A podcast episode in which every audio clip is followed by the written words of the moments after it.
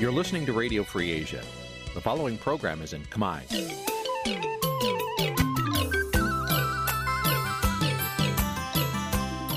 Nǐ chi càm bi tiệp xáy vệt chiu a zì sáy. នេះជាកម្មវិធីផ្សាយរបស់ Vithu Azisaray ជាភាសាខ្មែរ វត្តឈូអាស៊ីសេរីសូមស្វាគមន៍លោកអ្នកនាងទាំងអស់ពីរដ្ឋធានី Washington នៃសហរដ្ឋអាមេរិក បាទខ្ញុំបាទយ៉ងច័ន្ទដារា សូមជម្រាបសួរលោកអ្នកនាងអ្នកស្ដាប់វិទ្យុអាស៊ីសេរីទាំងអស់ជាទីមេត្រីខ្ញុំបាទសូមជូនកម្មវិធីផ្សាយសម្រាប់ព្រឹកថ្ងៃសៅរ៍ពីកើតខែភទ្របទឆ្នាំថោះបัญចស័កពុទ្ធសករាជ2567ត្រូវនឹងថ្ងៃទី16ខែកញ្ញាគ្រិស្តសករាជ2023ជាដំបូងនេះសូមអញ្ជើញអស់លោកអ្នកនាងស្ដាប់ព័ត៌មានប្រចាំថ្ងៃដែលមានមេត្តាដូចតទៅ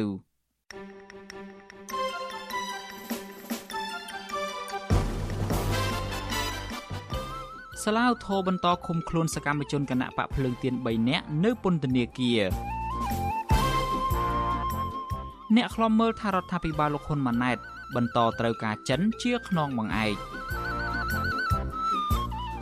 សង្គមស៊ីវិលថាកម្ពុជាត្រូវតែពង្រឹងច្បាប់ខណៈអាមេរិកសន្យាជួយប្រយុទ្ធប្រឆាំងការជួញដូរមនុស្ស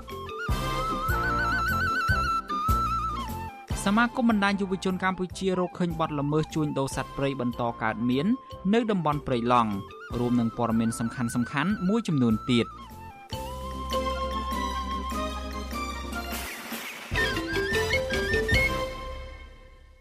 បាទជាបន្តទៅទៀតនេះខ្ញុំបាទយ៉ងច័ន្ទដារាសូមជូនព័ត៌មានទាំងនេះពឹស្ដាបាទលោកអ្នកនាងជាទីមេត្រីសាឡាវធោភ្នំពេញសម្រាប់បន្តឃុំខ្លួនសកម្មជនគណៈបកភ្លើងទៀន3នាក់នៅពន្ធនាគារ ក្រោមហេតុផលថាសំណុំរឿងមិនទាន់បិទការស៊ើបសួរនៅឡើយបាទការសម្រេចនេះធ្វើឡើងក្រោយពីតុលាការជាន់ខ្ពស់មួយនេះបានបើកសវនាការលើបណ្ដឹងសុំនៅក្រៅឃុំបណ្ដោះអាសន្នរបស់ជនជាប់ឃុំនយោបាយទាំង3នាក់បាទក្រុមគ្រួសារសកម្មជនគណៈបកភ្លើងទៀនចាត់ទុកសេចក្តីសម្រេចរបស់តុលាការនេះថាជាអំពើអយុត្តិធម៌និងជាការធ្វើទុកបុកម្នេញលើគ្រួសាររបស់ពួកគាត់បាទនេះជាសេចក្តីរាយការណ៍ព័ត៌មានរបស់លោកថាថៃ សាលាធរភ្នំពេញតម្កល់សេចក្តីសម្រេចរបស់សាលាដំបងរាជធានីភ្នំពេញទុកជាបានការដដែលនិងតម្រូវឲ្យបន្តឃុំខ្លួនសកម្មជនគណៈបកភ្លើងទៀន3នាក់ក្នុងសំណុំរឿងពីរផ្សេងគ្នានៅព្រឹកថ្ងៃទី15ខែកញ្ញាប្រពន្ធរបស់ប្រធានគណៈកម្មាធិការប្រតិបត្តិគណៈបកភ្លើងទៀនប្រចាំខេត្តកំពង់ចាមលោកតូចថងគឺលោកស្រីសុវណ្ណាសោកស្ដាយចំពោះការឃុំខ្លួនប្តីគណៈភ្នែកប្តីរបស់លោកស្រីដែលមានជំងឺធ្លុះបាតភ្នែកនៅតែហើមនឹងឈឺចាប់ម្ដងម្ដងក្រោយពីវាសកាត់រួចតាំងពីថ្ងៃទី28ខែកញ្ញា លោកស្រីចាត់ទុកការបន្តឃុំខ្លួនប្តីលោកស្រីទាំងមានជំងឺភ្នែកធ្ងន់ធ្ងរនេះគឺជាការធ្វើទុកបុកម្នេញលើគ្រួសាររបស់លោកស្រីនិងមិនមែនជាការអនុវត្តច្បាប់ឡើយខ្ញុំពរឲ្យតឡាការខាងពន្ធនាគារសូមដោះលែងឲ្យ ប្តីខ្ញុំចេញនៅក្រៅឃុំទៅព្រោះឃើញខ្ញុំទៅថ្ងៃហ្នឹងឃើញប្តីខ្ញុំធ្ងន់ធ្ងរជាងមុនណាសុខភាពគាត់អត់ល្អទេហើយមើលអត់ឃើញមើលអីចឹងខ្ញុំពិបាកដែរណាអូនខ្ញុំព្រោះគាត់ឈឺខ្លាំងផ្នែកគាត់ទៅមុខដឹងបីទេព្រោះទឹកម៉ែងឃើញដើរដឹកដាយហ្នឹងដឹកដាយលក្ខណៈដូចពិបាកដែរអូនមើលនឹងផ្នែកទៅពិបាកមែនជុំវិញរឿងនេះមេធាវីការពីក្តីលោកទូថងគឺលោកជួងជងីប្រាប់វិទ្យុអាស៊ីសេរីក្រោយពីសវនាការថា ការសម្រេចបន្តឃុំខ្លួនលោកទូថងទាំងមានជំងឺធ្ងន់ធ្ងរនិងមានអាយុ75ឆ្នាំទៅហើយនោះគឺជាការធ្វើទរណកម្មទៅលើកូនក្តីរបស់លោកខ្ញុំយល់ឃើញថាហាក់ដូចជាធ្វើទរណកម្មគាត់ជាងក៏អាយុច្រើន75ឆ្នាំហើយសុខភាពក៏អត់ធានាហើយគាត់មានបញ្ហាផ្នែកធ្ងន់ធ្ងរប៉ុន្តែតឡាការនៅទីទៅមិនព្រមអនុញ្ញាតឲ្យគាត់នៅក្រៅឃុំដើម្បីជាបាភ្នែកខ្ញុំនឹងជួបគាត់ដើម្បីប្រាសិទ្ធប្តឹងសាទុកទៅកម្ពុជាអញ្ញាធរក្រុងភ្នំពេញបានខាត់ខ្លួនលោកតូចថងកាលពីខែមិនិនា ពាក់ព័ន្ធនឹងសំណុំរឿងជាមួយលោកសៀមភ្លុកនិងលោកខឿនវិរៈដែលតុលាការកាត់ទោសឲ្យជាប់ពន្ធនាគារ2ឆ្នាំ6ខែពីបទក្លែងបន្លំឯកសារក្នុងការបង្កើតគណៈបកបេះដូងជាតិកាលពីឆ្នាំ2021ដោយឡែកនៅថ្ងៃទី15ខែកញ្ញាដដែលនេះសាលាធរភ្នំពេញក៏បានសម្រេចបន្តឃុំខ្លួនសកម្មជនគណៈបកភ្លើងទៀន2នាក់ទៀតគឺប្រធានគណៈកម្មាធិការប្រតិបត្តិគណៈបកភ្លើងទៀននៅខេត្តត្បូងឃ្មុំលោកអេងស្រួយ និងប្រធានចលនាស្ត្រីថ្នាក់ជាតិរបស់គណៈបកភ្លើងទៀនអ្នកស្រីវងរុននេះផងដែរជុំវិញរឿងនេះមេធាវីការពីក្តីលោកសំសុគង្គលើកឡើងថាប្រធានចៅក្រមជំនុំជម្រះលោកវងសុន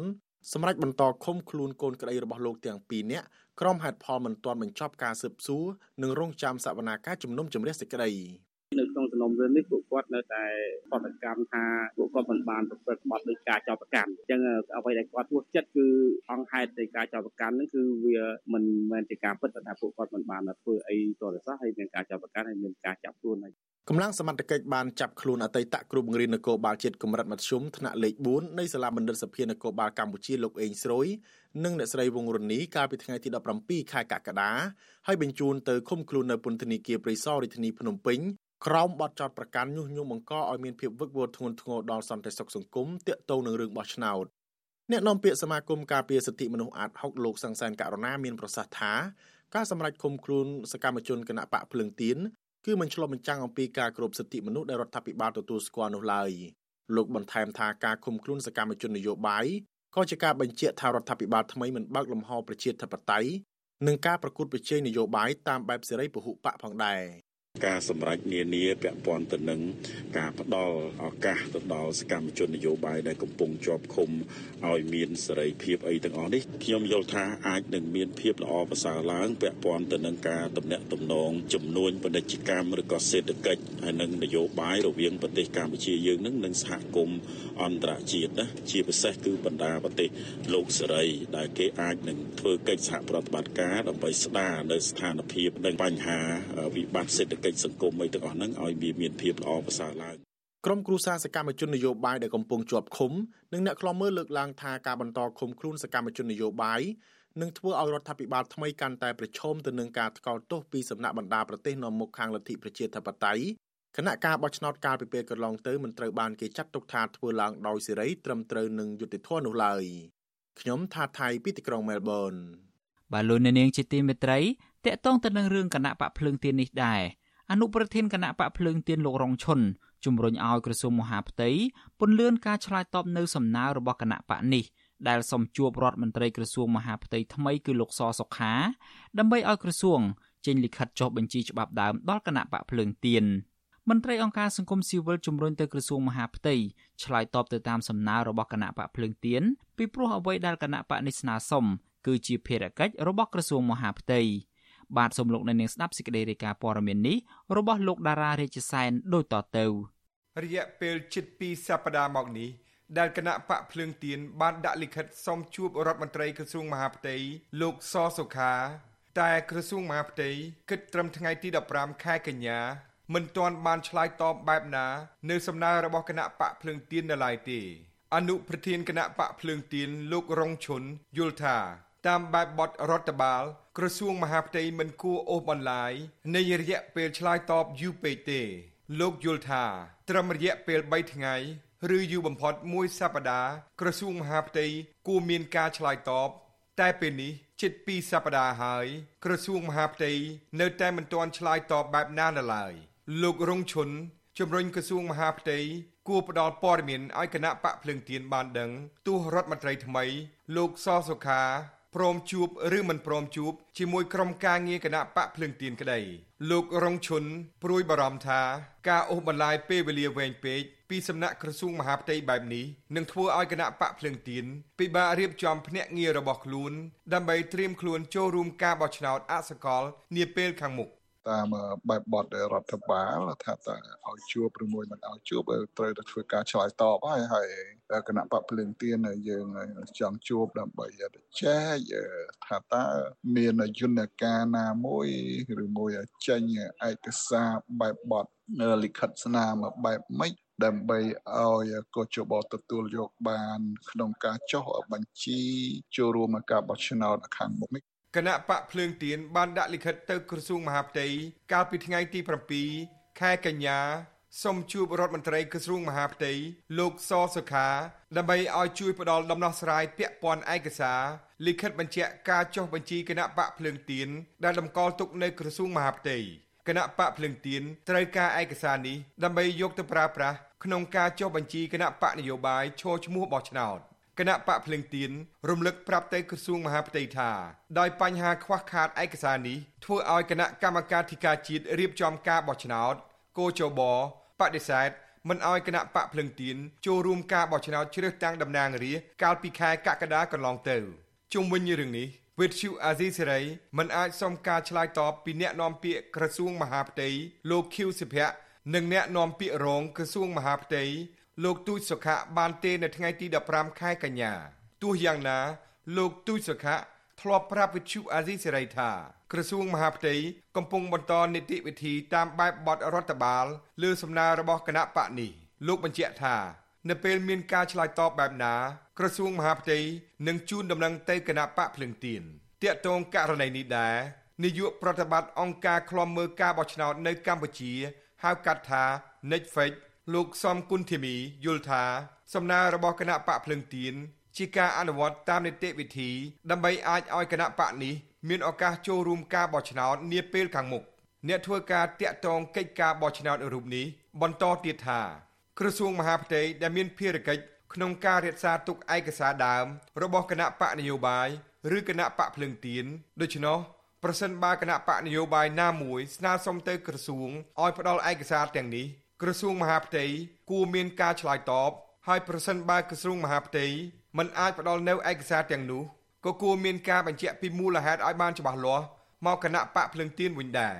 បាទហ្នឹងតាមសំណើហ្នឹងទៅក្រសួងមហាផ្ទៃការងាររបស់គាត់គាត់អ្នកគ្រប់គ្រងណាបាទកាលណានេះអត់បានចូលរួមទេដោយដោយបោះឆ្នោតរដ្ឋាភិបាលអញ្ចឹងណាគឺជាបោះគេអត់បានចូលរួមអញ្ចឹងបាទរៀបចំឯកសារបានគ្រប់គ្រាន់ណាតាមច្បាប់គឺជាបោះអត់ហ៊ានបដិសេធទេណាបាទគណៈបកភ្លឹងទៀនដែលមានពលរដ្ឋបោះឆ្នោតគាំទ្រជិត2លាននាក់លើកឡើងទៀតថាប្រសិនបើគណៈបកភ្លឹងទៀនគ្មានឯកសារច្បាប់ដើមនេះនឹងត្រូវប្រឈមការបដិសេធជាថ្មីដោយកោជប មិនឲ្យចូលរួមការបោះឆ្នោតទាំងថ្នាក់ជាតិនិងថ្នាក់ក្រោមជាតិនៅអាណត្តិបន្តបន្ទាប់ខាងមុខជាមិនខានទោះយ៉ាងណា លោករងឈុនអះអាងថាគណៈបកភ្លើងទៀនក៏ត្រៀមខ្លួនរកវិធីសាស្ត្រផ្សេងទៀតដើម្បីអាចចូលរួមការបោះឆ្នោតនាពេលខាងមុខប្រសិនបើក្រសួងមហាផ្ទៃមិនយល់ព្រមផ្ដល់ឯកសារច្បាប់ដើមនេះតែលោករងឈុនសូមមិនទាន់បង្ហាញយុទ្ធសាស្ត្រនោះក្នុងពេលនេះនៅឡើយទេខ្ញុំដារ៉ារាជសែន with you អាស៊ីសេរីទីក្រុង Adelaide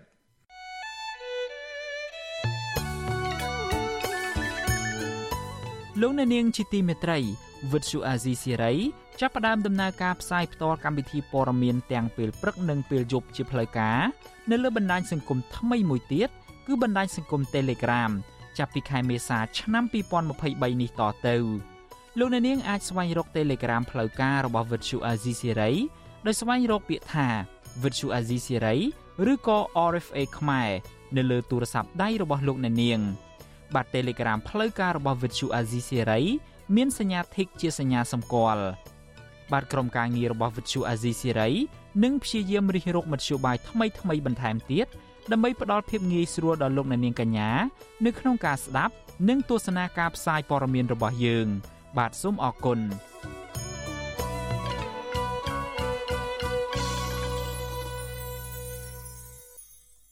លោកអ្នកនាងកំពុងស្ដាប់ការផ្សាយរបស់ Vuthu Azizi Serai ពីរដ្ឋធានី Washington នៃសហរដ្ឋអាមេរិកពាក់ព័ន្ធទៅនឹងដំណើរទស្សនកិច្ចរបស់លោកហ៊ុនម៉ាណែតទៅកាន់ប្រទេសចិនវិញ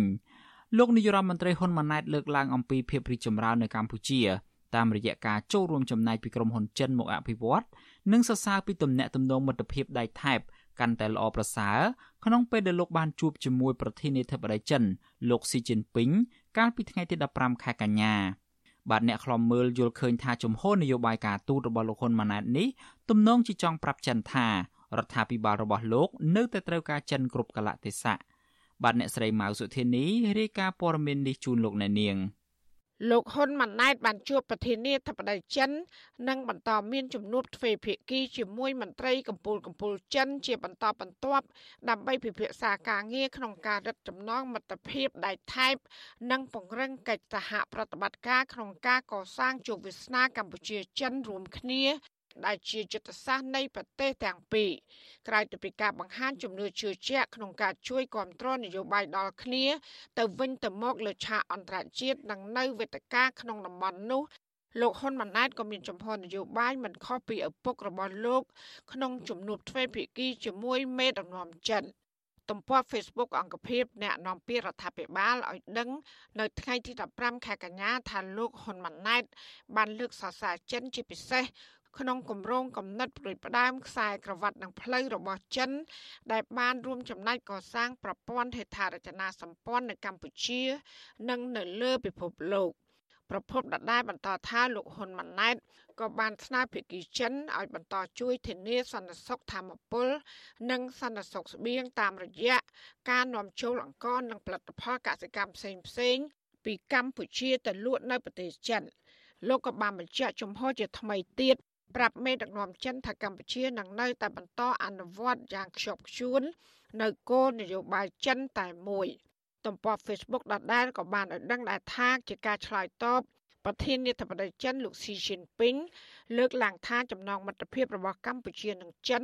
ប្រៀបបីដូចជាដើមឈើមួយដើមដ៏ធំចាក់ឫសយ៉ាងជ្រៅនិងរឹងមាំហើយទទួលបាននូវផ្លែផ្កាសម្រាប់ប្រជាជនទាំងពីរ មេដឹកនាំចិនរូបនេះក៏រំពឹងថាកម្ពុជាដឹកនាំដោយលោកហ៊ុនម៉ាណែតចំណងមិត្តភាពនិងសាមគ្គីភាពនៃប្រទេសទាំងពីរនិងបន្តរីកលូតលាស់ថែមទៀតមេដឹកនាំចិនក៏បានគូសបញ្ជាក់អំពីទិសដៅនិងកិច្ចសហប្រតិបត្តិការសម្រាប់ពេលអនាគតរវាងប្រទេសទាំងពីរដូចជាវិស័យធម្មពលសន្តិសុខស្បៀងនិងវិនិយោគជាដើមប្រពន្ធដដែលអដឹងដែរថាប្រធានាធិបតីចិនក៏បានបញ្ជាក់ចំហប្រាប់លោកហ៊ុនម៉ាណែត ថាចិននៅតែបន្តគ្រប់គ្រងនិងសហការជាមួយកម្ពុជា លើគ្រប់វិស័យដោយគ្មានការប្រែប្រួល។លើពីនេះមេដឹកនាំបកកុម្មុយនីសចិនរូបនេះក៏បានបដិញ្ញាថាចិននឹងការពារយុត្តិធម៌ជូនដល់ប្រជាជាតិនៃប្រទេសទាំងពីរពីការប៉ុនប៉ងក្នុងផ្លូវអវិជ្ជមានណាមួយជុំវិញរឿងនេះអ្នកវិភាគនយោបាយលោករោវណ្ណៈយល់ឃើញថាថ្មីត្បិតរដ្ឋាភិបាលកម្ពុជា បន្តរងការរិះគន់ថាផ្អៀងទៅចិនក៏ដោយក៏ប៉ុន្តែគោលដៅសំខាន់របស់រដ្ឋាភិបាលកម្ពុជា ក្នុងកលៈទេសៈនេះទំនងមិនអាចខ្វះចិនបានទេ ក្នុងការជួយគ្រប់គ្រងនយោបាយនិងសេដ្ឋកិច្ចរបស់ខ្លួន លោកលើកឡើងថាការដែលកម្ពុជាមិនអើពើរឿងស្ដារប្រជាធិបតេយ្យហើយបង្កើនភាពស្និទ្ធស្នាលជាមួយចិនតែម្ខាង បណ្ដាប្រទេសលោកសេរីអាចនឹងមិនសប្បាយចិត្តនិងបន្តដាក់សម្ពាធដល់រដ្ឋាភិបាលកម្ពុជាបន្ថែមទៀត។ ការវិវត្តនយោបាយថ្មីថ្មីរបស់កម្ពុជាហាក់ចេញពីកន្លងប្រជាធិបតេយ្យសេរីទៅកាន់ប្រជាធិបតេយ្យមិនសេរីលំហប្រជាធិបតេយ្យការគោរពសិទ្ធិមនុស្សនៅតែជាបញ្ហាចោតហើយលោកខាងលិចនៅតែរិះគន់និងឃ្លាំមើលនោះលំហនយោបាយការបរទេសរបស់រដ្ឋាភិបាលថ្មី ហាក់ដូចជានៅតូចចង្អៀតចឹងមានន័យថា ការពឹងអាស្រ័យទៅលើចិន អាចរក្សាស្ថានភាពបច្ចុប្បន្នឲ្យមានស្ថិរភាពជារឿងត្រូវធ្វើនិងចាំបាច់សម្រាប់រដ្ឋាភិបាលរបស់លោកហ៊ុនម៉ាណែតចំណែកអ្នកជំនាញផ្នែកវិទ្យាសាស្ត្រនយោបាយនិងកិច្ចការអន្តរជាតិលោកអែមសវណ្ណរាវិញលោកមានប្រសាសន៍ថាដំណើរទស្សនកិច្ចរបស់លោកហ៊ុនម៉ាណែតទៅចិន គឺជាការរឹតចំណងមិត្តភាពទ្វេភាគីលោកអែមសវណ្ណរាថាវាក៏ជាឱកាសសម្រាប់លោកហ៊ុនម៉ាណែតក្នុងការបញ្ជាក់ចំហទៅកាន់ចិន បន្ទាប់ពីលោកបានក្លាយជាប្រមុខរដ្ឋដឹកនាំប្រទេសកម្ពុជា លោកក៏ជំរុញដល់រដ្ឋាភិបាលគួរធ្វើយ៉ាងណា បង្កើតជំនួបទ្វេភាគីជាមួយបណ្ដាប្រទេសលោកខាងលិចដើម្បីបញ្ជាការរិះគន់ថាកម្ពុជាផ្អៀងទៅប្រទេសចិនតែម្ខាង។ ក្នុងដំណើរទស្សនកិច្ចខាងមុខទៅទៅអាមេរិកឡើងអង្គការសហប្រជាជាតិគួរតែមានការស្វះស្វែងការរកឲ្យមានជំនួបទ្វេភាគីជាមួយលោកខាងលិចអីចឹងទៅជាកិច្ចការមួយដែលល្អជាមួយអាមេរិកជាមួយអឺរ៉ុបអីទៅយើងអាចសង្ឃឹមថាធ្វើឲ្យទំនាក់ទំនងកម្ពុជានឹងអាចមានផលប្រយោជន៍រឿងទីផ្សារកម្ពុជានៅអឺរ៉ុបនិងអាមេរិកកម្ពុជានាំទៅអាមេរិកនាំទៅអឺរ៉ុបយើងចំណេញខុសពីយើងនាំទៅចិនយើងខាតចិននាំមកកម្ពុជាច្រើនជាងណាកាលណាយើងតាក់ទងទៅខាងចិនធ្វើឲ្យហាក់ដូចជាយើងលំអៀងទៅយើងឲ្យមានតុល្យភាពដូចមាននៅក្នុងរដ្ឋធម្មនុញ្ញមាននៅក្នុងកិច្ចព្រមព្រៀងសន្តិភាពទីក្រុងប៉ារីសកិច្ចការមួយល្អប្រសើរបាទអ្នកខ្លាំមើលលើកឡើងថាប្រទេសចិន កំពុងព្យាយាមពង្រីកអធិបតេយ្យនៅប្រទេសកម្ពុជាជាបន្តបន្ទាប់តាមរយៈគម្រោងផ្ដល់ជំនួយប្រាក់កម្ចីការគ្រប់គ្រងនយោបាយសេដ្ឋកិច្ចនិងការអភិវឌ្ឍជាដើមរបាយការណ៍ក្រសួងសេដ្ឋកិច្ចនិងហិរញ្ញវត្ថុឲ្យដឹងថាគិតត្រឹមដំណាច់ត្រីមាសទី1ឆ្នាំ2023 កម្ពុជាជំពាក់បំណុលបរទេសសរុបចំនួនជាង10,000លានដុល្លារក្នុងនោះកម្ពុជាបានជំពាក់បំណុលមិត្តដៃថៃចិនច្រើនជាងគេ គឺជាង4000លានដុល្លារឬប្រមាណ40%នៃបំណុលសរុបដែលកម្ពុជាជំពាក់បរទេសបន្ថែមពីនេះអ្នកខ្លាំមើលវិតម្លៃថាប្រទេសចិនកុម្មុយនីសពុំបានធ្វើឲ្យកម្ពុជារីកចម្រើនជាដុំកំភួននោះទេ ខណៈអ្នកវិនិយោគចិនខ្លះមកវិនិយោគនៅកម្ពុជា បង្កឲ្យកើតមានបញ្ហាជាច្រើនដូចជាការជួញដូរមនុស្សការឆោបបោកតាមបណ្ដាញអ៊ីនធឺណិតនិងមានក្រុមហ៊ុនខ្លះរំលោភសិទ្ធិមនុស្សតាមរយៈការបណ្តេញបរដ្ឋខ្មែរម្ចាស់ស្រុកចេញពីដីធ្លីជាដើមចាននាងខ្ញុំម៉ៅសុធានីវັດឈូអាស៊ីស្រី ប្រធានាធិបតី Washington អាស៊ីសេរី បាទលោកនាងជាទីមេត្រីយើងងាកមកចាប់អារម្មណ៍ពាក់ព័ន្ធទៅនឹងរឿងអំពើហិង្សាទៅលើអ្នករិះគន់រដ្ឋាភិបាលឯនេះវិញអ្នកជំនាញផ្នែកកសិកម្មលោកនីណាក់ដែលត្រូវបានជន់មិនស្គាល់មុខមួយក្រុមព្រួតគ្នាវាយឲ្យរងរបួសក្បាលធ្ងន់ធ្ងរនោះបានប្រកាសចុះចូលបម្រើរដ្ឋាភិបាលលោកហ៊ុនម៉ាណែតប្រសិនបើសមត្ថកិច្ចរកឃើញជនល្មើសយកមកផ្ដន់ទោសតាមច្បាប់លោកនីណាដែលកំពុងសម្រាកព្យាបាលនៅមន្ទីរពេទ្យបានសរសេរនៅក្នុងទំព័រ Facebook របស់លោកឈ្មោះ iManKH កាលពីយប់ថ្ងៃទី15ខែកញ្ញាដោយមានភ្ជាប់រូបថតមួយសន្លឹករបស់លោកថតជាមួយនឹងលោកនាយរដ្ឋមន្ត្រីហ៊ុនម៉ាណែតថាលោកមានក្តីសង្ឃឹមតែមួយគត់ចំពោះយុត្តិធម៌នៃអំពើហិង្សានេះគឺសូមឲ្យលោកហ៊ុនម៉ាណែតជួយពន្លឿនដល់ការស៊ើបអង្កេតរបស់សមត្ថកិច្ចដើម្បីរកមុខអ្នកពាក់ព័ន្ធនិងជន់ដៃដល់យកមកដាក់ទោសលោកនេះណាក់បន្តថាបើលោកហ៊ុនម៉ាណែតជួយបានលោកនឹងប្រកាសចុះចូលបម្រើរដ្ឋាភិបាលក្រោយពេលយុត្តិធម៌កើតមាន វិទ្យុអាស៊ីសេរីមិនអាចតាក់ទងប្រពន្ធលោកនេះណាក់គឺលោកស្រីសុកស៊ីណែតដើម្បីសាកសួររឿងនេះបន្ថែមបានទេ កាលពីយប់ថ្ងៃទី15ខែកញ្ញាក៏ប៉ុន្តែលោកស្រីបានសរសេរសារខ្លីមួយនៅលើ Facebook ថាស្ថានភាពប្តីរបស់លោកស្រីនៅព្រឹកថ្ងៃទី15កញ្ញាមានសភាពល្អប្រសើរកាលពីមួយថ្ងៃមុន ដែលនៅតែធ្ងន់ធ្ងរវិលមុខក្អួតនៅពេលធ្វើការផ្លាស់ប្តូរអេរីយ៉ាប័តបន្តិចបន្តួចតកតងទៅនឹងរឿងអំពើហិង្សានេះ សមត្ថកិច្ចបានទទួលពាក្យបណ្ដឹងរបស់លោកនីណាក់ហើយក៏ប៉ុន្តែសមត្ថកិច្ចបដិសេធមិនផ្ដល់វីដេអូពីកាមេរ៉ាសុវត្ថិភាពទេដោយយកលេសថារូបភាពកាមេរ៉ាមើលមិនច្បាស់កាលពីរសៀលថ្ងៃទី12កញ្ញាមានជនមិនស្គាល់មុខបានជិះម៉ូតូបុកម៉ូតូលោកនីណាក់និងលោកស្រីសុកស៊ីណែត ពីក្រោយ នៅពេលពួកគាត់ធ្វើដំណើរចេញពីម្ដុំវត្តចម្ពោះក្អែកសម្ដៅទៅផ្ទះក្រោយម៉ូតូដួលមនុស្សប្រុសមួយក្រុមស្លៀកពាក់ខ្មៅមានពាក់មួកឃ្លុបបិទមុខជិតដៃកាន់ដំបងដែក បានសម្រុកវាយសន្ទប់លើក្បាលរបស់លោកនីណាឲ្យបែកក្បាលជាច្រើនកន្លែងឈាមស្រោចពេញខ្លួននិងសន្លប់នៅនឹងកន្លែងលោកស្រីសុកស៊ីណែត សង្ស័យថាការវាយធ្វើបាបប៉ុនប៉ងសម្រាប់លោកនីណានៅពេលនេះមានពាក់ព័ន្ធទៅនឹងរឿងលោកបន្តនិយាយអំពីបញ្ហាសង្គមលើបណ្ដាញសង្គម Facebook ព្រោះគ្រួសាររបស់លោកស្រីពុំមានទំនាស់ឬគំនុំជាមួយអ្នកណាឡើយគិតមកដល់ពេលនេះមានសកម្មជនសង្គម និងនយោបាយមិនតិចជាង50នាក់ទេ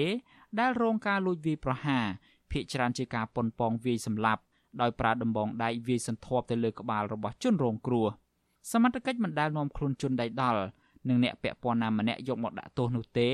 ហើយករណីទាំងនេះត្រូវបានគេចាត់ទុកថាជាអំពើហិង្សាផ្នែកនយោបាយដែលរៀបចំឡើងដោយក្រុមអ្នកកាន់អំណាច។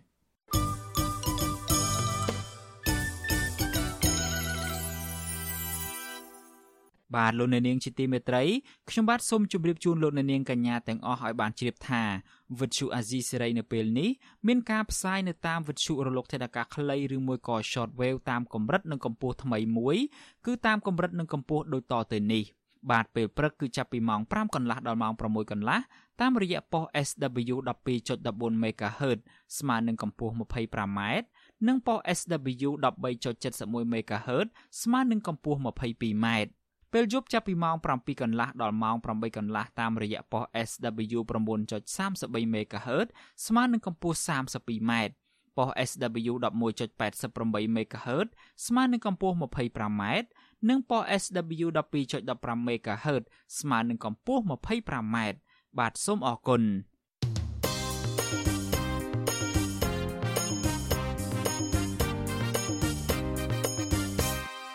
បាទលោកអ្នកនាងជាទីមេត្រី ជុំវិញបញ្ហាសិទ្ធិមនុស្សឯនេះវិញក្រសួងការបរទេសកម្ពុជាចេញសេចក្តីថ្លែងការណ៍ច្រានចោលនៅសេចក្តីថ្លែងការណ៍រួមរបស់ក្រុមអង្គការសិទ្ធិមនុស្សអន្តរជាតិដែលរកឃើញថាការគោរពសិទ្ធិមនុស្សនិងស្ដារលទ្ធិប្រជាធិបតេយ្យនៅកម្ពុជាកាន់តែធ្លាក់ចុះក្រោយការបោះឆ្នោតឆ្នាំ2023សង្គមស៊ីវិលលើកឡើងថារដ្ឋាភិបាលគួរតែយកចំណុចវិជ្ជមានដែលអង្គការសង្គមស៊ីវិលរកឃើញទៅកែលម្អឡើងវិញជាជាងបដិសេធដោយមិនបានពិនិត្យជាក់ស្ដែង ក្រសួងការបរទេសកម្ពុជាកាលពីថ្ងៃទី14កញ្ញាបានចេញសេចក្តីថ្លែងការណ៍បដិសេធទៅលើចំណុចសំខាន់សំខាន់ដែលក្រុមអង្គការសិទ្ធិមនុស្សអន្តរជាតិបានរកឃើញ មានដូចជា ស្ថានភាពសិទ្ធិមនុស្សនៅកម្ពុជាធ្លាក់ចុះនិងការបោះឆ្នោតទូទៅឆ្នាំ2023មានលក្ខណៈរដ្ឋបិទមិនយុត្តិធម៌និងមិនស្មើភាពជាដើមក្រសួងការបរទេសកម្ពុជាចោទប្រកាន់ថានេះជាការអះអាងដែលគ្មានលក្ខណៈថ្លឹងថ្លែងនិងលំអៀងទៅរកអ្នកប្រឆាំងមួយចំនួន ទោះជាយ៉ាងនេះក្តីប្រធានអង្គការដំឡាភិបកម្ពុជា លោកបច្ចពិសីលើកឡើងថាសេចក្តីថ្លែងការណ៍របស់ក្រុមអង្គការសិទ្ធិមនុស្សអន្តរជាតិមានការស្រាវជ្រាវដោយផ្អែកទៅលើភស្តុតាងច្បាស់លាស់ដូច្នេះលោកថារដ្ឋាភិបាលគួរពិនិត្យទៅលើចំណុចអវិជ្ជមាន ដែលអង្គការសង្គមស៊ីវិលរកឃើញ និងសិក្សាទៅលើអនុសាសន៍ឬមួយក៏ដំណោះស្រាយដែលសង្គមស៊ីវិលបានលើកឡើងបើសិនជាយើងមានឆន្ទៈចង់ដោះបញ្ហា នៃការរំលោភសិទ្ធិមនុស្សពិតប្រាកដខ្ញុំគិតថាយើងគួរត្រួតពិនិត្យមើលរបាយការណ៍ទាំងនោះបាទហើយស្វែងយល់មើលកន្លែងណាដែលមានសច្ចភាពខ្ពស់ដែលយើងអាចឆ្លើយតបបានយើងឆ្លើយទៅហើយកន្លែងណាដែលយើងគិតថាមិនត្រឹមត្រូវយើងបដិសេធហើយធ្វើការឆ្លើយតបទៅវិញទៅអ្នកទៅសេរបាយការណ៍ពីបងអំពើដែលយើងរកឃើញផ្ទុយអំពីការរកឃើញរបស់គេបាទក្រុមអង្គការសិទ្ធិមនុស្សអន្តរជាតិទាំង8ដែលបានចូលរួមនៅក្នុងសេចក្តីថ្លែងការណ៍នោះមានដូចជា អង្គការឃ្លាំមើលសិទ្ធិមនុស្សអន្តរជាតិ Human Rights Watch អង្គការវេទិកាអាស៊ី Forum Asia អង្គការលើកលែងទោសអន្តរជាតិ Amnesty International និងអង្គការពិភពលោកប្រឆាំងអំពើទារុណកម្មជាដើមសេចក្តីថ្លែងការណ៍រួមចេញផ្សាយកាលពីថ្ងៃទី12កញ្ញាបង្ហាញថាស្ថានភាពគោរពសិទ្ធិមនុស្សនៅកម្ពុជាកាន់តែធ្លាក់ចុះដោយសារតែការធ្វើទុកបុកម្នេញជាប្រព័ន្ធទៅលើសកម្មជនសិទ្ធិមនុស្សបរិស្ថានដីធ្លីសហជីពសមាជិកគណៈបកប្រឆាំង និងប្រព័ន្ធផ្សព្វផ្សាយឯករាជ្យតាមរយៈការបង្កើតបទចោទប្រកាន់คล้ายៗសេចក្តីថ្លែងការណ៍ដដែលលើកឡើងថាការបោះឆ្នោតកាលពីខែកក្កដាកន្លងទៅមិនស្របទៅតាមគន្លងប្រជាធិបតេយ្យឡើយដោយសារតែគ្មានគណៈបកប្រឆាំងរឹងមាំចូលរួមប្រកួតហើយនៅប៉ុន្មានថ្ងៃមុនការបោះឆ្នោត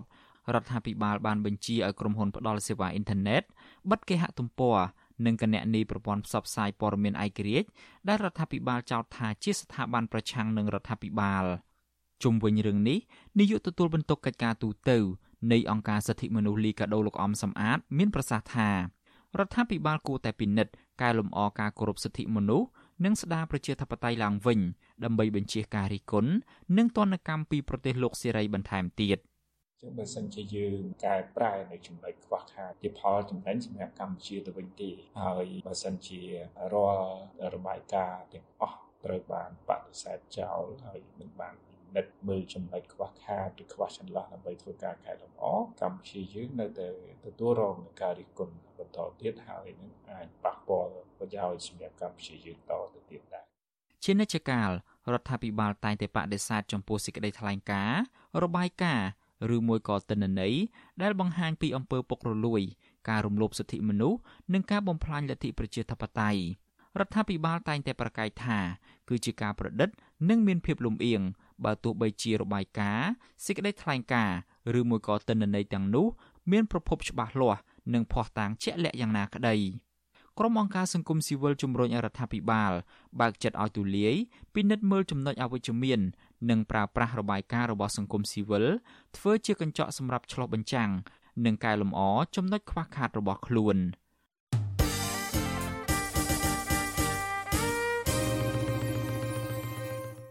បាទលោកអ្នកនាងជាទីមេត្រីពាក់ព័ន្ធទៅនឹងរឿងសិទ្ធិមនុស្សនេះដែរអង្គការសង្គមស៊ីវិលជំរុញឲ្យរដ្ឋាភិបាលថ្មីដោះស្រាយវិបត្តិជួញដូរមនុស្សនិងការឆបោកតាមប្រព័ន្ធអនឡាញនៅកម្ពុជា ក្នុងពេលដែលសហរដ្ឋអាមេរិកសន្យាថានឹងបន្តជួយពង្រឹងផ្នែកបច្ចេកទេសដើម្បីទប់ស្កាត់បទឧក្រិដ្ឋកម្មឆ្លងដែនមួយនេះបាទសំលោកនៅនាងស្ដាប់សេចក្តីរាយការណ៍មួយទៀតរបស់លោកតារារាជសែនអំពីរឿងនេះដូចតទៅ បញ្ហាការជួញដូរមនុស្សតាមប្រព័ន្ធអនឡាញជាបញ្ហាធំមួយក្នុងប្រទេសកម្ពុជា ដែលពិភពលោកបានដឹងឮក្នុងរយៈពេលប្រមាណឆ្នាំកន្លងទៅនេះហើយសហរដ្ឋអាមេរិកបានដាក់កម្ពុជាក្នុងបញ្ជីខ្មៅក្នុងកម្រិតទី3មកទល់ពេលនេះកាលពីថ្ងៃទី13កញ្ញាកន្លងទៅឯកអគ្គរដ្ឋទូតសហរដ្ឋអាមេរិកប្រចាំប្រទេសកម្ពុជាលោក Patrick Murphy បានផ្ដល់បទសម្ភាសន៍ដល់កាសែតខ្មែរ Times ថាសហរដ្ឋអាមេរិក នៅបន្តជួយដោះស្រាយបញ្ហានេះតែកម្ពុជាត្រូវមានឆន្ទៈនយោបាយនាយកទទួលបន្ទុកកិច្ចការទូតនៃអង្គការសិទ្ធិមនុស្ស Liga do លោកអំសំអាតមានប្រសាសន៍ថាកម្ពុជាត្រូវពង្រឹងច្បាប់ដោយអាជ្ញាធរត្រូវតែអនុវត្តច្បាប់ឲ្យបានហ្មត់ចត់ហើយចាប់ផ្ដើមសហការជាមួយប្រទេសជិតខាងឬប្រទេសដែលបានប្តឹងមកកម្ពុជា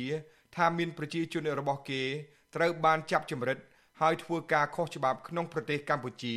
ដោយចាញ់បោកអក្រិតជន តាមប្រព័ន្ធអនឡាញលោកបន្តថារឿងអំពើពុករលួយក៏ជាកត្តាសំខាន់ដែលកម្ពុជាត្រូវលុបបំបាត់បាត់ល្មើសអីជាដើមនឹងត្រូវតែអនុវត្តឲ្យបាន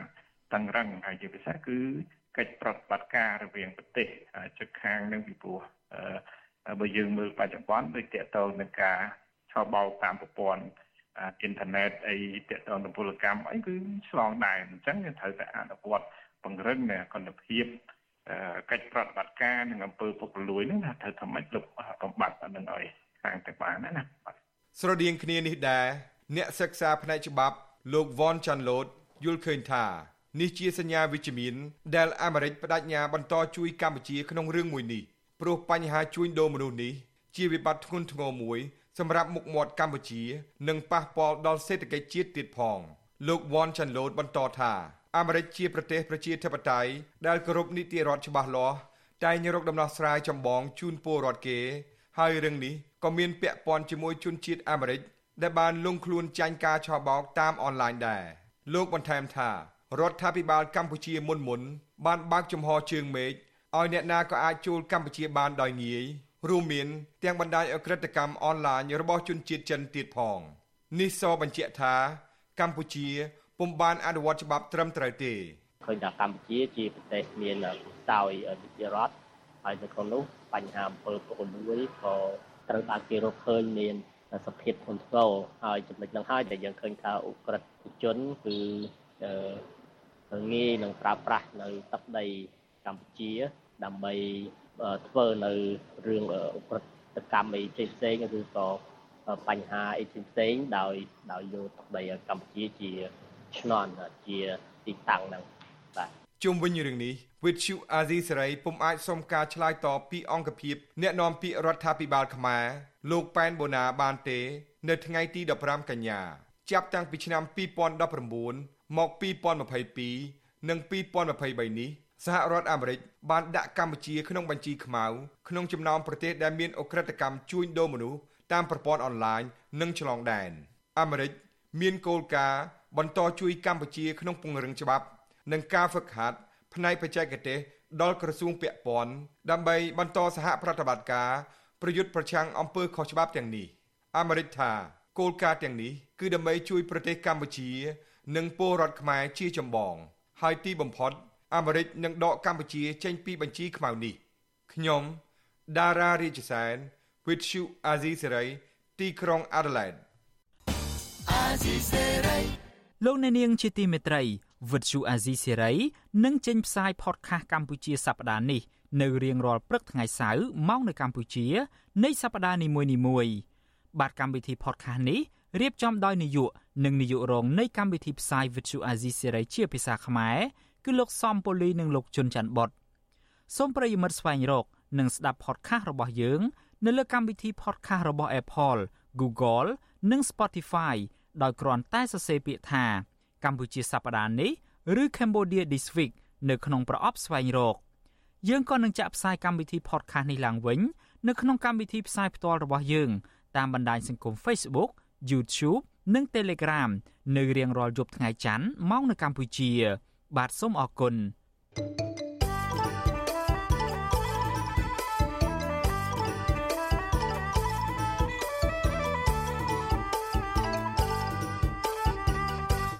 បាទលោកអ្នកនាងជាទីមេត្រីពាក់ព័ន្ធទៅនឹងរឿងបទល្មើសធនធានធម្មជាតិឯនេះវិញសមាគមបណ្ដាញយុវជនកម្ពុជាហៅកាត់ថា CYN បានចេញរបាយការណ៍ថ្មីមួយរកឃើញបទល្មើសជួញដូរសត្វព្រៃបន្តកើតមានជាហូរហែតាមតំបន់ព្រៃឡង់និងតំបន់ខេត្តទេសចរមួយចំនួន ដូចជាខេត្តសៀមរាបជាដើមបាទការរកឃើញនេះគឺបង្ហាញថាដោយសារតែកង្វះការអនុវត្តច្បាប់ឲ្យបានតឹងរឹងពីសំណាក់មន្ត្រីអាជ្ញាធរមូលដ្ឋាន និងកង្វះការដាក់ទោសទណ្ឌលើជនល្មើស បាទនេះជាសេចក្តីរាយការណ៍ព័ត៌មានរបស់លោកទីនហ្សាការីយ៉ាសមាគមបណ្ដាញយុវជនកម្ពុជា CYN ដែលធ្វើការផ្នែកតស៊ូមតិលើបញ្ហាជួញដូរសត្វព្រៃនិងទប់ស្កាត់បទល្មើសព្រៃឈើបានចេញរបាយការណ៍ទំហំ57ទំព័រនៅថ្ងៃទី15កញ្ញាថាបទល្មើសជួញដូរសត្វព្រៃនៅតែបន្តកើតមានហើយសត្វព្រៃទាំងនោះដាក់លក់នៅតាមភោជនីយដ្ឋាន ទីផ្សារនិងតំបន់ទីប្រជុំជន ដោយពុំមានមន្ត្រីអាជ្ញាធរណាចុះបង្ក្រាបនោះឡើយ។ ការលើកឡើងបែបនេះនៅក្នុងកម្មវិធីផ្សព្វផ្សាយរបាយការណ៍ស្តីពីការជួញដូរសត្វព្រៃនៅជុំវិញព្រៃឡង់នៃប្រទេសកម្ពុជាដែលធ្វើមួយព្រឹកនៅរាជធានីភ្នំពេញហើយមានយុវជនចូលរួមប្រមាណជិត100នាក់ក្នុងនោះក៏មានសមាជិកបណ្ដាញប្រៃឡង់មកពីខេត្តផ្សេងផ្សេងផងដែរសមាគមបណ្ដាញយុវជនកម្ពុជាលើកឡើងនៅក្នុងរបាយការណ៍ថាទីតាំងលក់សាច់សត្វព្រៃនិងត្រីអភិរក្សខុសច្បាប់ចំនួន57កន្លែងដូចជានៅតាមផ្សារភោជនីយដ្ឋាន និងរមណីយដ្ឋានជំវិញតំបន់ការពារធម្មជាតិព្រៃឡង់និងតំបន់ផ្សេងផ្សេងរួមមានខេត្តព្រះវិហារកំពង់ធំក្រចេះស្ទឹងត្រែងខេត្តសៀមរាបនិងឧត្តរមានជ័យរបាយការណ៍ដដាលបង្ហាញថាប្រភេទសត្វព្រៃដែលគេជួញដូរគឺជាប្រភេទពួកសត្វទន្សោងប្រើសខ្លាឃ្មុំនិងសត្វកែះចំណែកនៅរដូវបិទនេសាទតំបន់ទន្លេមេគង្គក៏គេប្រទះឃើញការលក់ដូរត្រីអភិរក្សនៅតាមទីផ្សារផងដែរគឺជាប្រភេទត្រីមេពូជដូចជាត្រីត្រសក់ ត្រីក្របី និងត្រីខ្លាជាដើមប្រធានស្រាវជ្រាវនឹងតស៊ូមតិនៃសមាគមបណ្ដាញយុវជនកម្ពុជាលោកហេងកំហុងដែលជាអ្នកចងក្រងរបាយការណ៍នេះប្រាប់វិទ្យុអាស៊ីសេរីនៅថ្ងៃទី15កញ្ញាថារបាយការណ៍នេះបានចំណាយពេល3ខែគឺចាប់ពីខែមិថុនាដល់ខែសីហាឆ្នាំ2023ដើម្បីចងក្រងឡើងលោកបន្តថាករណីបទល្មើសជួញដូរសត្វព្រៃនៅតែបន្តកើតមានចំហហែនេះគឺដោយសារតែកង្វះការអនុវត្តច្បាប់ឲ្យបានតឹងរឹងពីសំណាក់មន្ត្រីអាជ្ញាធរពាក់ព័ន្ធ តាដែលនៅតែបង្កើតមាននៅបទល្មើសសត្វព្រៃនេះកត្តាទី1គឺតកតងជាមួយនឹងកំសោយនៃការអនុវត្តច្បាប់ដូចជាបានលើកដោយសារតែយើងឃើញការដាក់លក់ចំហមួយចំនួនហ្នឹងអត់មានការធ្វើអន្តរាគមន៍អីទេកត្តាទី2គឺដោយសារការធ្វើអាជីវកម្មកាលណាកាលណាសត្វព្រៃត្រូវបានគេធ្វើអាជីវកម្មធ្វើឲ្យមានតម្រូវការដូច្នេះក៏ជាកត្តាមួយដែលតាក់ទាញឲ្យប្រជាពលរដ្ឋនៅមូលដ្ឋានហ្នឹងឬក៏ក្រុមអ្នកប្រមាញ់ដែលខុសច្បាប់ហ្នឹងគាត់នឹងដាក់ទិសដៅនៅក្នុងការធ្វើការប្រមាញ់បន្ថែមទៀតដែរអញ្ចឹងវាគឺជារឿងមួយដែលយើងមានការព្រួយបារម្ភមែនទែនសមាគមបណ្ដាញយុវជនកម្ពុជាបង្ហាញថាបច្ចុប្បន្ននេះករណីជួញដូរសាច់សត្វព្រៃកំពុងតែពេញនិយមនៅតាមតំបន់ទេសចរហើយកំពុងតែបង្កគ្រោះថ្នាក់និងជំរុញឲ្យមានសកម្មភាពប្រមាញ់សត្វខុសច្បាប់និងការជួញដូរសត្វព្រៃដោយបើកចំហនៅក្នុងនោះខេត្តស្ទឹងត្រែងត្រូវបានគេរកឃើញមានលក់សាច់សត្វព្រៃខុសច្បាប់និងត្រីអភិរក្សដោយបើកចំហនិងញឹកញាប់ច្រើនជាងបណ្ដាខេត្តផ្សេងទៀតប្រធានបណ្ដាញព្រៃឡង់ប្រចាំខេត្តកំពង់ធំលោកហ៊ឿនសុភីបលើកឡើងថា ករណីបទល្មើសជួញដូរសត្វព្រៃនៅតំបន់ការពារព្រៃឈើជាពិសេសព្រៃឡង់ហាក់ដូចជារឿងសាមញ្ញស្របពេលដាល់អាញាធរតាមមូលដ្ឋានពុំដាល់អើពើចុះបង្ក្រាបលើករណីនេះនោះឡើយលោកបន្តថាសប្តាហ៍ថ្ងៃនេះនៅតំបន់ព្រៃឡង់តែងតែជួបប្រទេសអន្ទាក់ចាប់សត្វព្រៃជាញឹកញាប់ដូចជាសត្វស្វាទន្សោងជ្រូកព្រៃជាដើមលោកទទូចឲ្យអាជ្ញាធរពាក់ព័ន្ធគួរតែពង្រឹងការអនុវត្តច្បាប់ឲ្យបានម៉ត់ចត់ នាយករដ្ឋមន្ត្រីថ្មីហ៊ុនម៉ាណែតគាត់ថាលោកគួរតែគិតមើលរៀបចំពីការចុះស្រាវជ្រាវត្រីតាមមូលដ្ឋានដែលអសមត្ថភាពដែលមានអំពើពុករលួយច្រើនអញ្ចឹងគឺសូមឲ្យរៀបចំផែនការនេះដើម្បី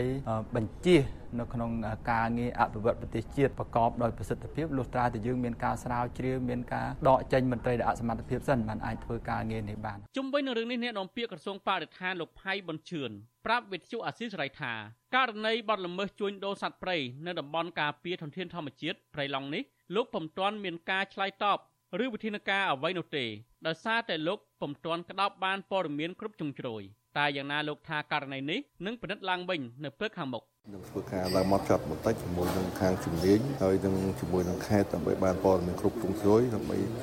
បានបានឆ្លើយជាមួយក្មួយបានព្រោះរឿងពាក់ព័ន្ធចំណុចចឹងมันអាចឆ្លើយបានព្រោះវាអត់មានព័ត៌មានគ្រប់គ្រាន់ណាកាលពីដើមឆ្នាំ2022ក្រសួងបរិស្ថានបានធ្វើយុទ្ធនាការអន្តរសូនដើម្បីទប់ស្កាត់បទល្មើសបរបាញ់សត្វព្រៃខុសច្បាប់ដែលរងការគំរាមកំហែងដល់អាយុជីវិតសត្វព្រៃយុទ្ធនាការនេះក្រសួងបានអនុវត្ត6ខែ គិតចាប់តាំងពីខែមិនិនាដល់ខែតុលាឆ្នាំ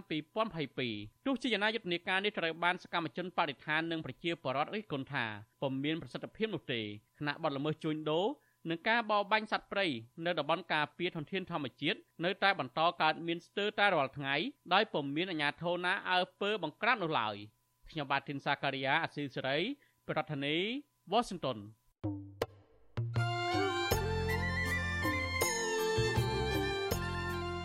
លោកអ្នកនាងជាទីមេត្រីនៅក្នុងឱកាសនេះដែរខ្ញុំបាទសូមថ្លែងអំណរគុណដល់លោកអ្នកនាងកញ្ញាទាំងអស់ដែលតែងតែមានភក្ដីភាពចំពោះការផ្សាយរបស់យើងហើយចាត់ទុកការស្ដាប់វិទ្យុអាស៊ីសេរីគឺជាផ្នែកមួយនៃសកម្មភាពប្រចាំថ្ងៃរបស់លោកអ្នកនាងគឺការគ្រប់គ្រងរបស់លោកអ្នកនាងនេះហើយដែលធ្វើឲ្យយើងខ្ញុំមានទឹកចិត្តកាន់តែខ្លាំងក្លាថែមទៀតនៅក្នុងការស្វែងរកនិងផ្តល់ព័ត៌មានជូនលោកអ្នកនាង មានអ្នកស្ដាប់អ្នកទស្សនាកាន់តែច្រើន កាន់តែធ្វើឲ្យយើងខ្ញុំមានភាពស្វាហាប់មោះមុតជាបន្តទៅទៀត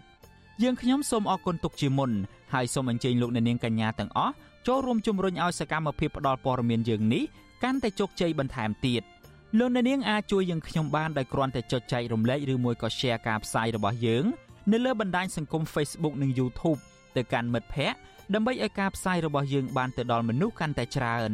បាទសូមអរគុណ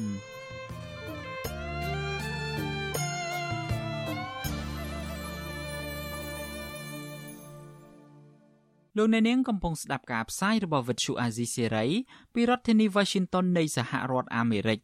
អ្នកខ្លំមើលបញ្ហាសង្គមលើកឡើងថាប្រសិនបើមន្ត្រីធ្វើរបាយការណ៍ខុសពីការពិត ដើម្បីយកមុខមាត់នោះវានឹងធ្វើឲ្យរដ្ឋាភិបាលកំណត់គោលនយោបាយខុសហើយមិនអាចដោះស្រាយបញ្ហាពលរដ្ឋបានឡើយការលើកឡើងនេះគឺបន្ទាប់ពីមហាជននាំគ្នាប្រតិកម្មទៅនឹងរបាយការណ៍របស់រដ្ឋមន្ត្រីថ្មីនៃក្រសួងកាងារគឺលោកហេងសួរដែលអះអាងថាពលរដ្ឋខ្មែរ មានការងារធ្វើរហូតដល់ជាង99%នៅទូទាំងប្រទេសបាទអ្នកស្រីម៉ៅសុធានីសូមជូនសេចក្តីរាយការណ៍ពុស្ដាអំពីរឿងនេះដូចតទៅអ្នកខ្លាំមើលព្រួយបារម្ភថាមន្ត្រីនៅតាមក្រសួងស្ថាប័នមួយចំនួន កំពុងប្រើប្រាស់របាយការណ៍ខុសការពិតនាំឲ្យរដ្ឋាភិបាលយកទៅវិភាគហើយដាក់ចេញគោលនយោបាយមិនចំបញ្ហាដែលជាតិនិងប្រជាប្រដ្ឋកំពុងជួបប្រទះអ្នកប្រឹក្សាយោបល់ផ្នែកអភិវឌ្ឍផ្នែកគំនិត នឹងការស្រាវជ្រាវលោកសេកសុជាតិក៏សម្គាល់ថារបាយការណ៍របស់មន្ត្រីភិជាច្រើនមិនឆ្លោះបញ្ចាំងពីស្ថានភាពជាក់ស្ដែងនៅក្នុងសង្គមនោះឡើយលោកបន្តថារបាយការណ៍បំភ្លឺខុសការពិតនឹងធ្វើអរដ្ឋាភិបាលដាក់ចេញគោលនយោបាយខុសជាទម្លាប់ដែលតែងតែបំភ្លឺហើយมันបង្ហាញអំពីសុចរិតភាព ដែលជាមូលហេតុធ្វើឲ្យ រាល់ការសម្រេចចិត្តផ្សេងផ្សេងរបស់មន្ត្រីរដ្ឋាភិបាលនៅកម្ពុជាឬក៏មន្ត្រីរបស់យើងហ្នឹងវាមានបញ្ហាត្រង់ដាក់ចេញនៅគោលនយោបាយដើម្បីបំពេញបន្ថែមទៅវាបែរទៅជាខុសគោលដៅអីត្រឡប់ទៅវិញអញ្ចឹង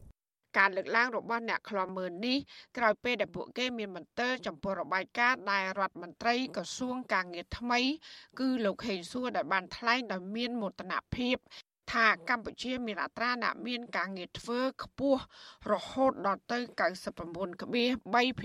99.3%ការលើកឡើងបែបនេះហាក់ផ្ទុយពីរបាយការណ៍របស់ក្រសួងការងារដដែល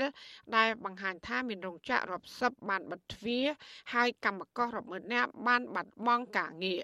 ការលើកឡើងនេះក៏ស្តៀងទៅនឹងការរកឃើញរបស់សហជីពឯករាជ្យនោះដែរ អ្នកសិក្សាវិទ្យាសាស្ត្រនយោបាយលោកជ្រីបារ៉ាចាប់អារម្មណ៍ថាបញ្ហាបាត់បង់ការងារធ្វើ បាត់បង់ចំណូល កំពុងតែក្លាយជាបញ្ហាធំដែលខុសស្រឡះពីការលើកឡើងរបស់រដ្ឋមន្ត្រីក្រសួងកាងារលោកបារម្ភថាការលើកឡើងរបាយការណ៍ខុសការពិតនេះធ្វើឲ្យបញ្ហាបរដ្ឋមិនមានដំណោះស្រាយករណីថារបាយការណ៍ខ្វះការពិតវាអាចនឹងធ្វើឲ្យបញ្ហា គ្មានការងារធ្វើនៃជាពលរដ្ឋយើងនឹងវារីកកាន់តែធំពីព្រោះថាប៉ះសិនបើអត្រាមានការងារធ្វើនឹងវាខ្ពស់ទៅហើយសំណួរសួរតើតើក្រសួងឬក៏ស្ថាប័នពាក់ព័ន្ធនឹងមានវិធានការឬក៏ចំណាត់ការឬក៏គោលនយោបាយអីដើម្បីដោះស្រាយទៅលើភាពគ្មានការងារធ្វើរបស់ប្រជាពលរដ្ឋនឹងដែរឬទេ ចំណែកអ្នកស្រាវជ្រាវការអភិវឌ្ឍសង្គមលោកបណ្ឌិតមាននីមានប្រសាសន៍ថាការប្រើរបាយការណ៍ខុសការពិត និងរបាយការណ៍ចាស់ធ្វើឡើងជាច្រើនឆ្នាំមកហើយសុទ្ធតែធ្វើអរដ្ឋាភិបាលសម្រាប់ចិត្តខុសលោកបណ្ឌិតថ្លែងកត់សម្គាល់ពីដំណើរចុះទៅជួបកសិករនៅខេត្តបាត់ដំបងរបស់រដ្ឋមន្ត្រីក្រសួងកសិកម្មលោកដិតទីណាក្នុងពេលដែលបញ្ហាស្រូវចុះថោក ហើយដែលរដ្ឋមន្ត្រីរូបនេះអះអាង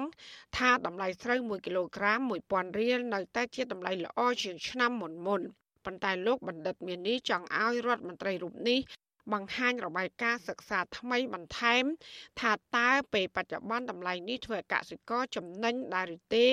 ខណៈដែលថ្លៃដើមខ្ពស់ហើយទំនិញផ្សេងផ្សេងក៏ឡើងថ្លៃបន្តបន្ទាប់យើងត្រូវមើលអំពី បញ្ហាអីដែលកសិករប្រឈមឧទាហរណ៍ថាបើស្រូវឡើង1000តើមានចំណេញដែរឬអត់ណា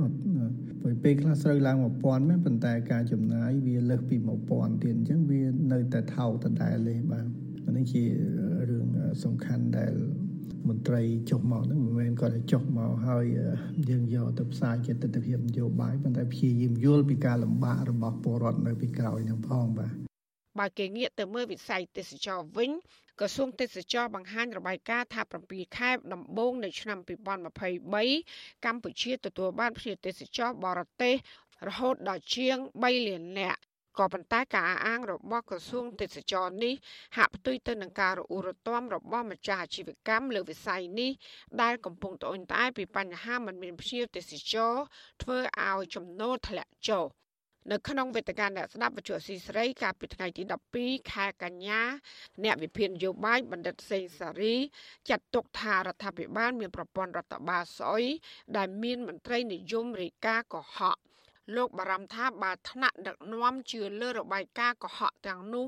នឹងមិនមានវិធានការដោះស្រាយបញ្ហាកំពុងតែកើតមានពិតប្រាកដនោះឡើយ។ ថ្មីថ្មីនេះក៏មានការបំផោងទិន្នន័យតាក់ទងទៅនឹងការកើនឡើងរហូតដល់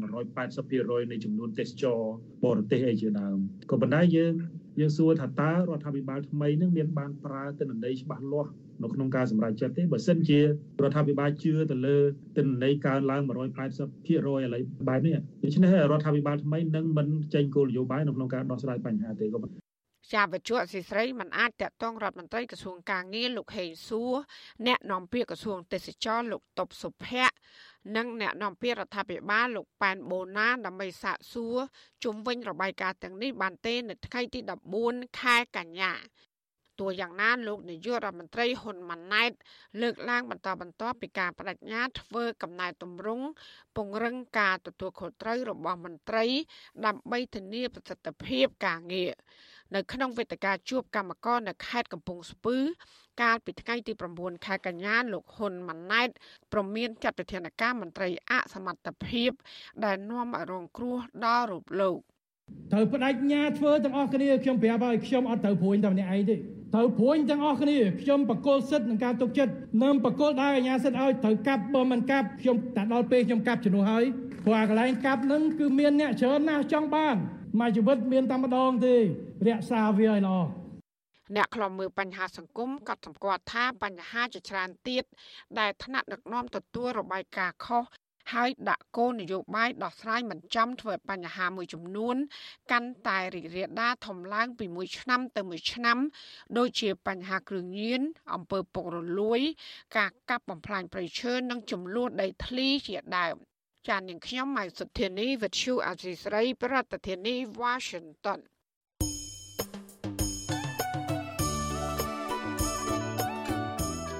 លោកអ្នកនាងជាទីមេត្រីក្រៅពីការតាមដានកម្មវិធីផ្សាយរបស់ Vuthu Azizi Serai នៅតាមបណ្ដាញសង្គម Facebook YouTube និង Telegram លោកអ្នកនាងក៏អាចតាមដានកម្មវិធីផ្សាយរបស់យើង នៅតាមរយៈបណ្ដាញ Instagram បានដែរ តាមរយៈតំណ link ដែលមានអាសយដ្ឋាន www.instagram.com/rfa ខ្មែរអាស៊ីសេរីបន្តខិតខំផ្សព្វផ្សាយព័ត៌មានពិតទៅកាន់បងប្អូនតាមរយៈបណ្ដាញសង្គមផ្សេងផ្សេងនិងសម្បូរបែបដើម្បីឲ្យលោកអ្នកនាងងាយស្រួលតាមដានកម្មវិធីផ្សាយរបស់អាស៊ីសេរីគ្រប់ពេលវេលា និងគ្រប់ទីកន្លែងតាមរយៈទូរស័ព្ទរបស់លោកអ្នកនាង បាទសូមអរគុណ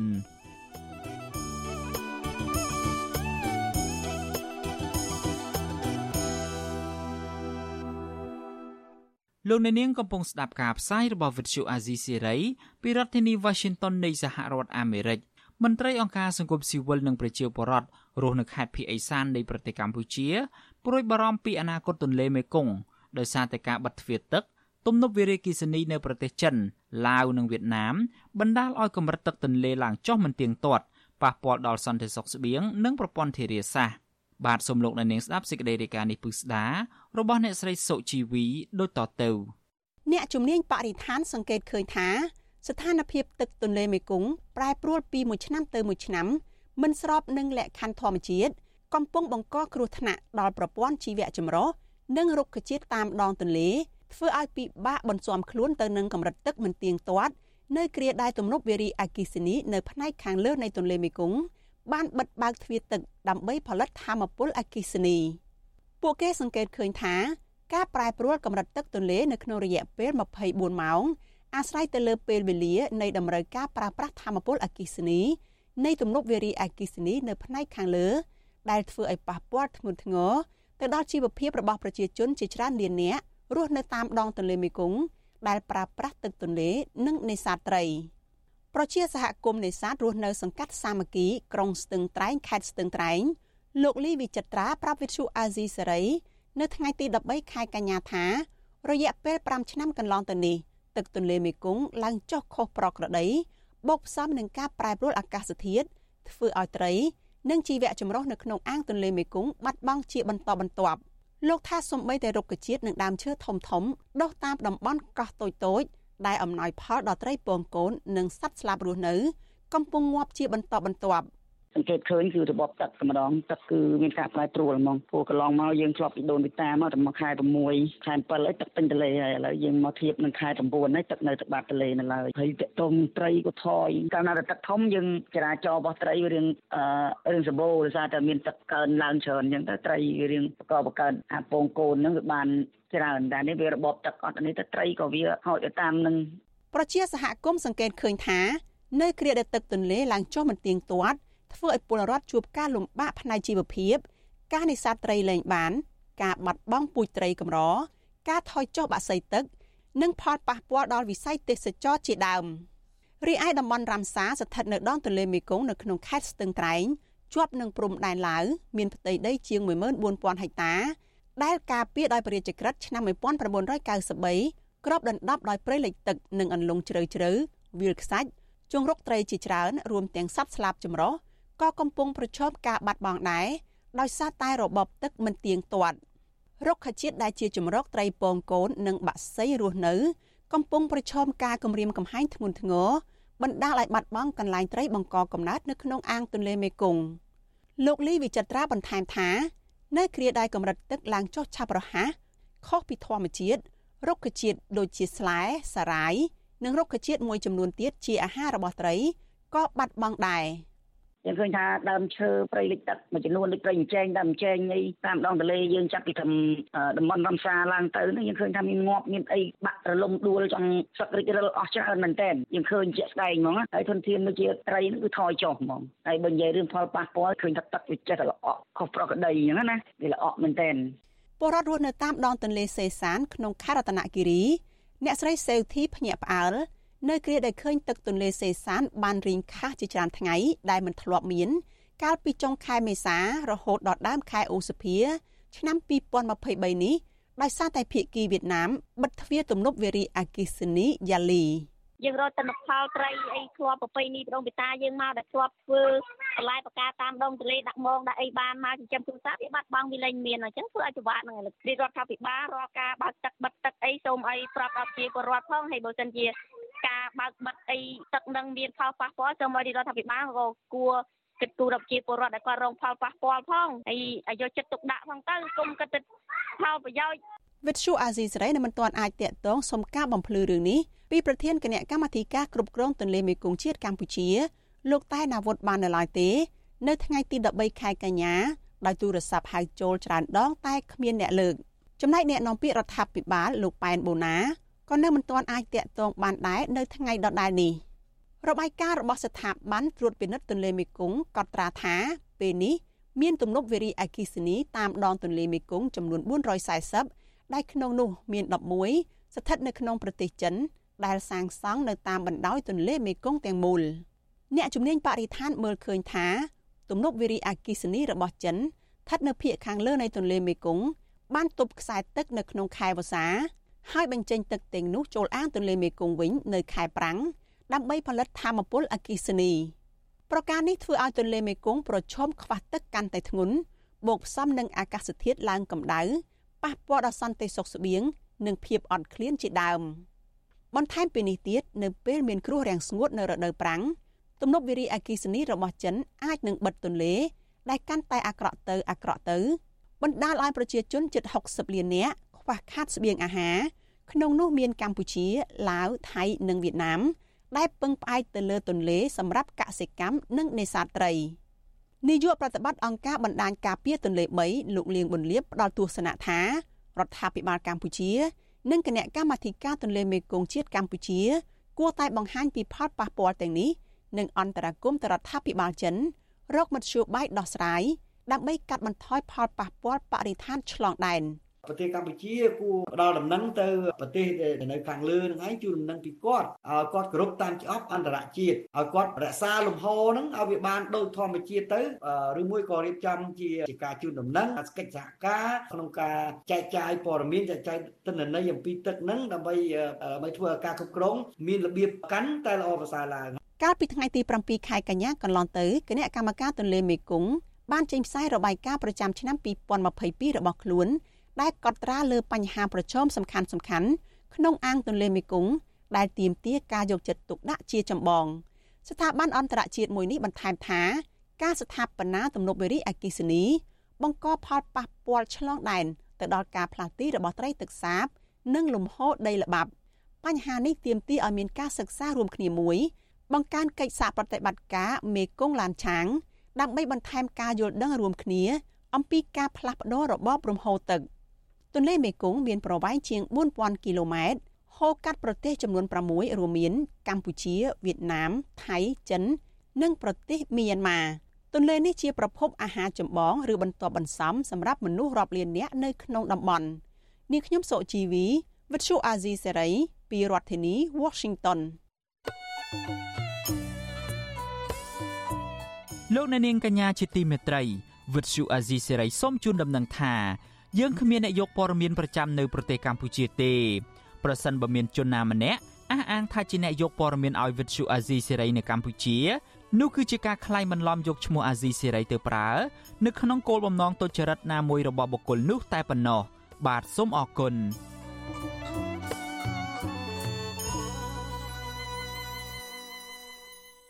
បាទលោកនាងជាទីមេត្រី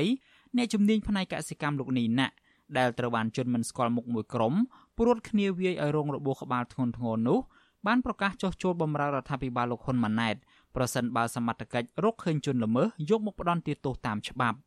លោកនីណាក់ដែលកំពុងសម្រាកព្យាបាលនៅមន្ទីរពេទ្យបានសរសេរនៅក្នុងទំព័រ Facebook របស់លោកឈ្មោះ iManKH កាលពីយប់ថ្ងៃទី15ខែកញ្ញាដោយមានភ្ជាប់រូបថតមួយសន្លឹករបស់លោកថតជាមួយនឹងលោកនាយរដ្ឋមន្ត្រីហ៊ុនម៉ាណែត ថាលោកមានក្តីសង្ឃឹមតែមួយគត់ចំពោះយុត្តិធម៌នៃអំពើហិង្សានេះគឺសូមឲ្យលោកហ៊ុនម៉ាណែតជួយពន្លឿនដល់ការស៊ើបអង្កេតរបស់សមត្ថកិច្ចដើម្បីរកមុខអ្នកពាក់ព័ន្ធនិងជន់ដៃដល់យកមកដាក់ទោសលោកនេះណាក់បន្តថាបើលោកហ៊ុនម៉ាណែតជួយបានលោកនឹងប្រកាសចុះចូលបម្រើរដ្ឋាភិបាលក្រោយពេលយុត្តិធម៌កើតមាន កាលពីរសៀលថ្ងៃទី12កញ្ញាមានជនមិនស្គាល់មុខបានជិះម៉ូតូបុកម៉ូតូលោកនេះណាក់និងលោកស្រីសុកស៊ីណែតពីក្រោយ នៅពេលពួកគាត់ធ្វើដំណើរចេញពីម្ដុំវត្តចម្ពោះក្អែកសម្ដៅទៅផ្ទះក្រោយម៉ូតូដួលមនុស្សប្រុសមួយក្រុមស្លៀកពាក់ខ្មៅមានពាក់មួកឃ្លុបបិទមុខជិតដៃកាន់ដំបងដែកបានសម្រុកវាយសន្ធាប់លើក្បាលរបស់លោកនីណាឲ្យបែកក្បាលជាច្រើនកន្លែងឈាមស្រោចពេញខ្លួន និងសន្លប់នៅនឹងកន្លែងលោកស្រីសុកស៊ីណែត សង្ស័យថាការវាយធ្វើបាបប៉ុនប៉ងសម្រាប់លោកនីណានៅពេលនេះមានពាក់ព័ន្ធទៅនឹងរឿងលោកបន្តនិយាយអំពីបញ្ហាសង្គមលើបណ្ដាញសង្គម Facebook ព្រោះគ្រួសាររបស់លោកស្រីពុំមានទំនាស់ឬគំនុំជាមួយអ្នកណាឡើយគិតមកដល់ពេលនេះមានសកម្មជនសង្គមនិងនយោបាយមិនតិចជាង50នាក់ទេ ដែលរងការលួចវាយប្រហារភ ieck ច្រើនជាការប៉ុនប៉ងវាយសម្លាប់ដោយប្រើដំបងដៃវាយសន្ធាប់ទៅលើក្បាលរបស់ជនរងគ្រោះសមត្ថកិច្ចមិនដែលនាំខ្លួនជនដៃដល់និងអ្នកពាក់ព័ន្ធណាម្នាក់យកមកដាក់ទោសនោះទេ ហើយករណីទាំងនេះ ត្រូវបានគេចាត់ទុកថាជាអំពើហិង្សាផ្នែកនយោបាយដែលរៀបចំឡើងដោយក្រុមអ្នកកាន់អំណាច